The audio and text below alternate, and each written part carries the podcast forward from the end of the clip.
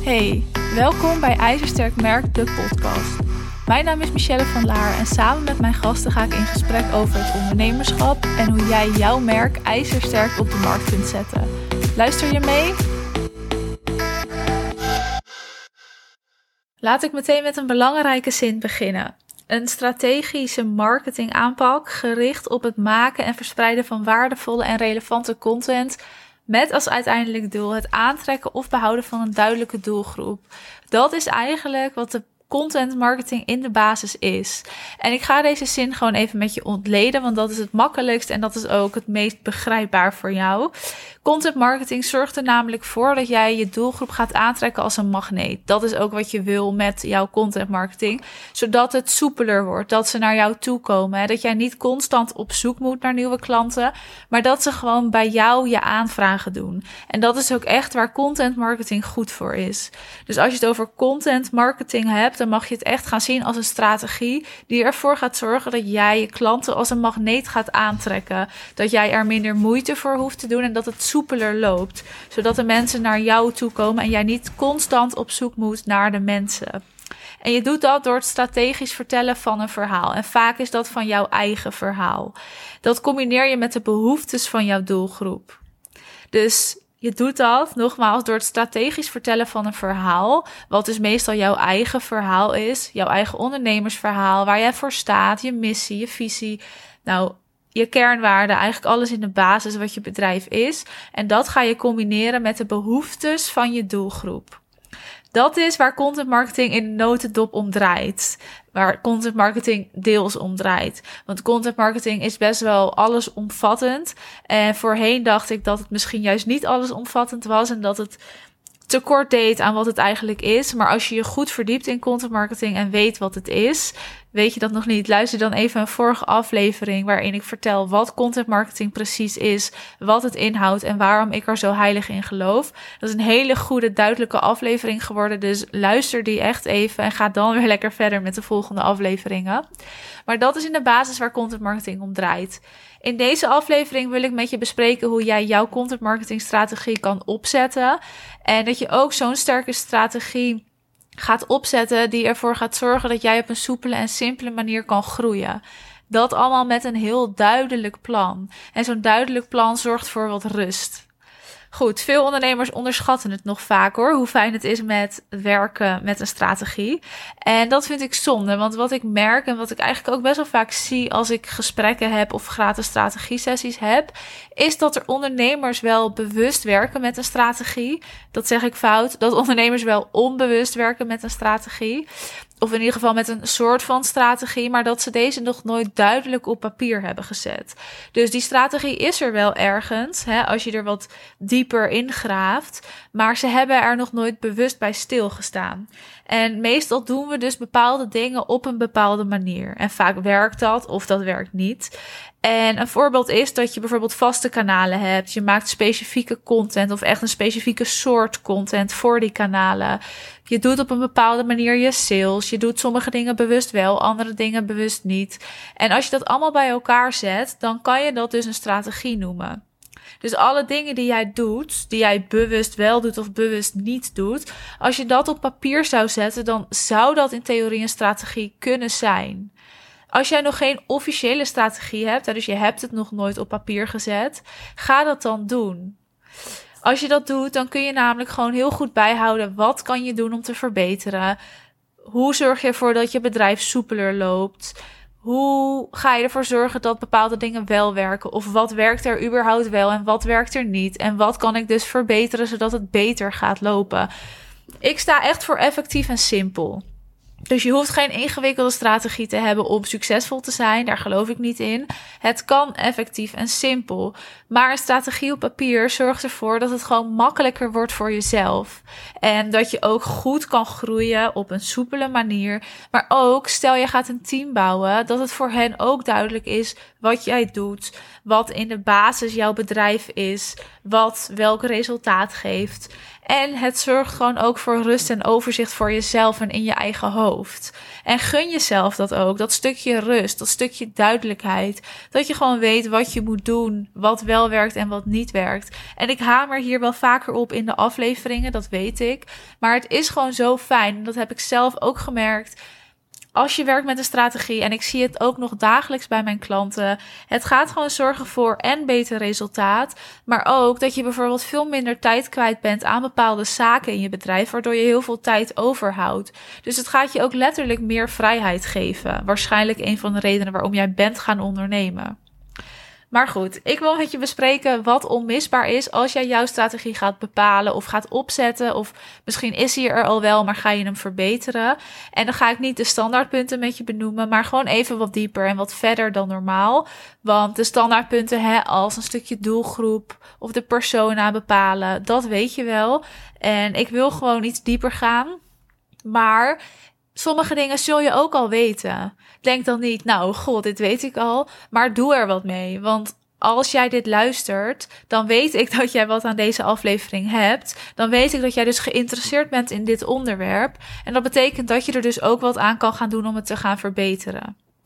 Waarmee je wil starten is met het creëren van draagvlak.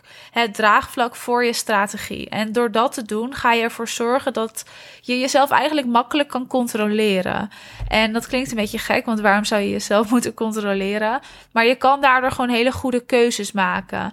En keuzes binnen je bedrijf, maar ook keuzes binnen je strategie.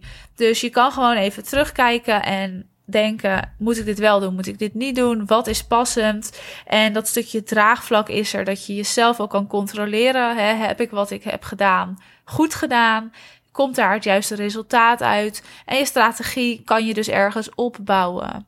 Het wordt dus makkelijk om te bepalen wat je wel en niet moet doen. En dat is zo enorm fijn als je gewoon weet: als ik dit doe, werkt het wel. Als ik dat doe, werkt het niet.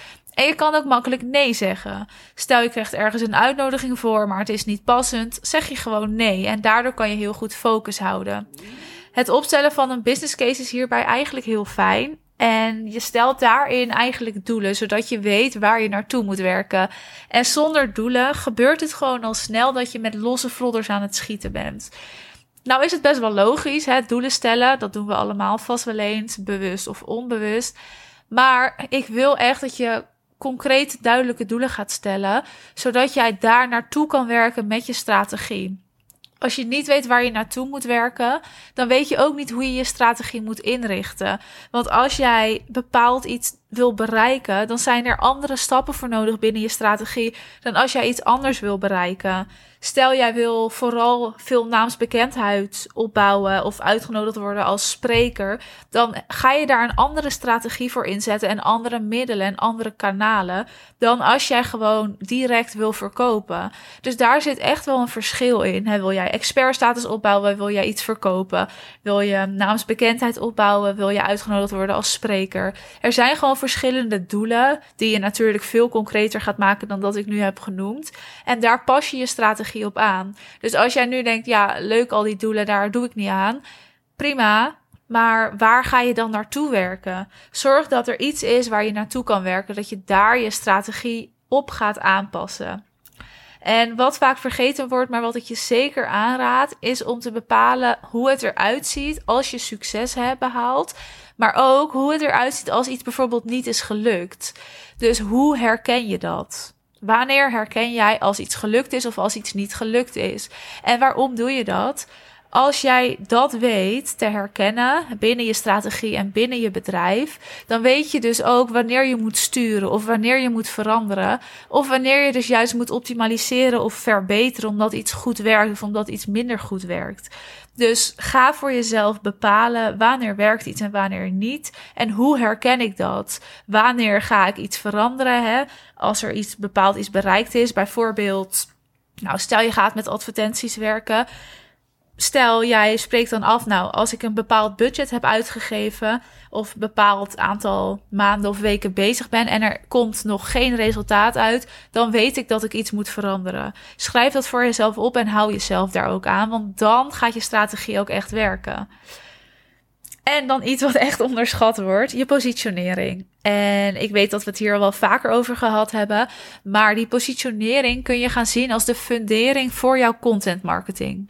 Je positionering bepaalt namelijk welk verhaal jij vertelt. Hè? Dus nou, hoe wil jij gezien worden? Wat moeten jouw ideale klanten van jou vinden? Je kent positionering wel. Positionering is alleen niet tastbaar. En daardoor kan het soms lastig zijn. En dat hoor ik ook wel. Ja, dat is wel eens een terugkoppeling dat iemand zegt: Ik snap heel goed wat positionering is, maar het is niet tastbaar. Dus het is in die zin best wel lastig ja, om te zien of te voelen wanneer ik dat goed doe of wanneer ik dat dus niet goed doe. Ik denk dat er in positionering niet zo is iets, zoiets is als goed of fout. Want nou, je kan het niet goed of fout doen, want je doet het altijd aangepast op je bedrijf. En op je positionering pas je weer je strategie aan. Maar het is ook je tone of voice. Dus je moet er wel voor zorgen dat die kloppend is en dat je daar keuzes in hebt gemaakt. Wat doe je wel, wat doe je niet? Wat is passend, wat is niet passend? Dus dat je niet weer met die losse vlodders gaat schieten en maar iedereen gaat aanspreken. Maar dat je echt met je positionering en met die tone of voice gewoon een bepaalde groep aanspreekt. En dat stukje is dus ook weer bepalend voor je strategie. En dus met welke mensen jij bijvoorbeeld gaat samenwerken. En in die positionering bepaal je ook wat voor soort content er ingezet gaat worden. Dus hè, wat past er bij jou in jouw bedrijf? Ga je artikelen schrijven? Ga je mails typen? Ga je Instagram inzetten? Ga je video's maken? Of bijvoorbeeld audio, zoals deze podcast? Dus in die positionering ga je daarin ook keuzes maken. Dus het is niet alleen hoe wil jij overkomen, maar ook wat past er bij jouw bedrijf? Wat ga je inzetten? Niet per se qua kanalen, maar wel qua wat voor soort en wat voor type content. Ben je heel informatief? Ben je heel persoonlijk? Ga je allemaal tips delen? Daarin maak je allemaal keuzes in je positionering. Als je dat hebt gedaan, hè, ga je eigenlijk vanuit daar, dus vanuit dat punt, je klantreis bepalen. En die klantreis is enorm interessant. En dat is ook echt iets waar ik echt nog wel een aparte aflevering over ga maken. Het voordeel is dat je het zo complex kan maken als je zelf wil. Dus je kan het simpel houden, maar het mag ook heel uitgebreid.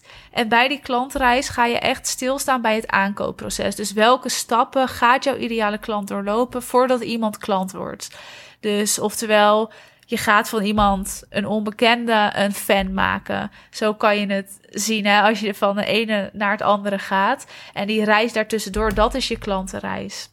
Nou is het zo dat er in die klantenreis wel verschillende fases zijn. En heel simpel uitgelegd, ga je gewoon per fase bekijken welke behoeftes er zijn binnen je doelgroep.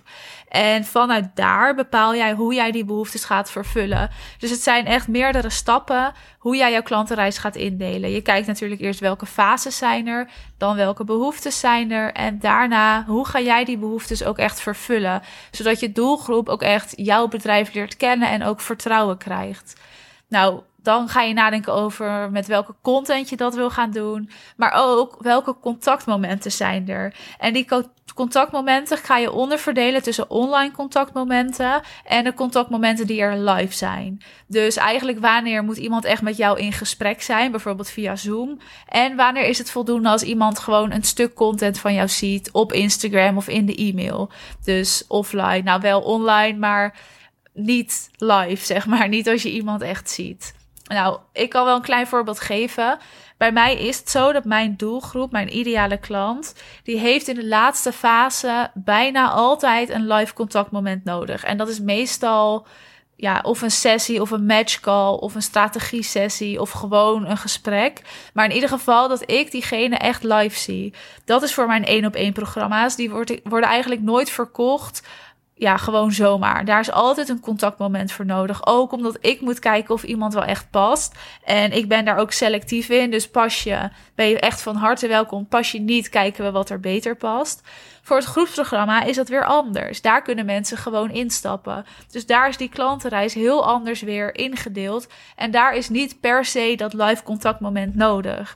Dat is wel mogelijk, maar ik zie dat dat dus niet ja, echt nodig is. Wat bij het één op één programma dus wel zo is. Als laatste ga je eigenlijk bepalen welke kanalen je gaat inzetten, maar vooral via welke kanalen je bijvoorbeeld die contactmomenten laat zijn. Welke kanalen passen bij welke fases in die klantenreis. Dus natuurlijk heb je in de basis een keuze gemaakt welke kanalen je sowieso inzet. Maar je gaat ook echt keuzes maken. Op welke kanalen moeten mijn ideale klanten mij tegenkomen en in welke fases? Dus je gaat er dieper op in. Het is niet, nou, ik zet Instagram in en ik maak een podcast. Nee, in welke fase moet iemand jou op welk kanaal tegenkomen? En wat voor soort content moet diegene daar te zien krijgen? En op welke behoeften speel jij dan in? Dus alles staat altijd in combinatie, hè? Goed, die kanalen zijn wel voor de hand liggend vaak hoor. Dus iedereen zet bijvoorbeeld Instagram in. Vaak komt e-mail wel aan, eraan te pas, of LinkedIn of Facebook. Nou, noem maar op. Maar je kan ook eens wat verder nadenken. Wat ik wel belangrijk vind, is dat je ervoor zorgt dat je niet afhankelijk bent van maar één kanaal. Want als dat kanaal, of die kanaal, het kanaal, dan wegvalt, dan ben jij je hele bedrijf kwijt. En je hoort nu bijvoorbeeld dat Instagram en Facebook, tegenwoordig moeten we het meta noemen natuurlijk, misschien weg wil uit Europa. Goed, de kans is heel klein dat ze dat gaan doen, maar stel ze doen het wel en jij hebt alleen maar gebouwd op Instagram, dan ben je gewoon alles kwijt. Dan kan je echt van nul weer beginnen. En dan is het lastiger, want iedereen moet dat dan doen. Dus focus je niet op één kanaal. Hè. Meerdere succesvolle kanalen zijn echt wel fijn, maar focus je ook niet op alles tegelijk. Dus zorg wel dat je gaat focussen hè, op korte en lange termijn kanalen, zodat je gewoon vanuit daar succesvolle kanalen op gaat bouwen en niet afhankelijk meer bent. Waar ondernemers soms niet aan denken, is dat er ook speciale ja, platformen zijn voor bepaalde vakgebieden. Dus ga eens kijken, is er in jouw vakgebied of in jouw branche een platform of een kanaal of misschien een speciale website waar jij jezelf bij kan aansluiten? Want dat kan je ook zien als platform of kanaal waar jij dus in contact kan komen met klanten. En het kan ook natuurlijk zorgen voor een stukje expertstatus, hè? Dus hou daar rekening mee. Goed, die klantreis is belangrijk. Die, dat stukje positionering ook. Maar dan niet alleen maar hoe wil ik overkomen en hoe moet jouw ideale klant jou zien. Maar ook echt welke content past daarbij. In welke vorm, wat voor type. Zodat je overal keuzes in maakt. Nogmaals, ik zei het al, hè, ik sta echt voor simpel en effectief. Het hoeft helemaal niet ingewikkeld en super uitgebreid te zijn, zolang jij maar je focus weet te leggen op een bepaalde strategie. Ook die strategie echt gaat inzetten, dus niet opschrijven en er niks mee doen. Daar ga je niks uithalen natuurlijk. Maar focus je daarop. Zorg dat je het opschrijft, zodat je gewoon kan bijhouden wat er werkt en wat er niet werkt. Maar ook dat je heel makkelijk kan verbeteren en optimaliseren en kan gaan groeien. Wil je hier eens over kletsen, dan raad ik je aan om even een gratis strategie-sessie in te plannen. En dat kun je gewoon doen via de link in de beschrijving van deze aflevering. Of je gaat gewoon even naar mijn Instagram of naar mijn website, want daar is die natuurlijk ook in te plannen. Je hebt deze aflevering helemaal afgeluisterd. Vond jij deze aflevering ook te gek? Vergeet dan niet te abonneren op de podcast en laat vooral even weten dat je geluisterd hebt. Tot de volgende keer.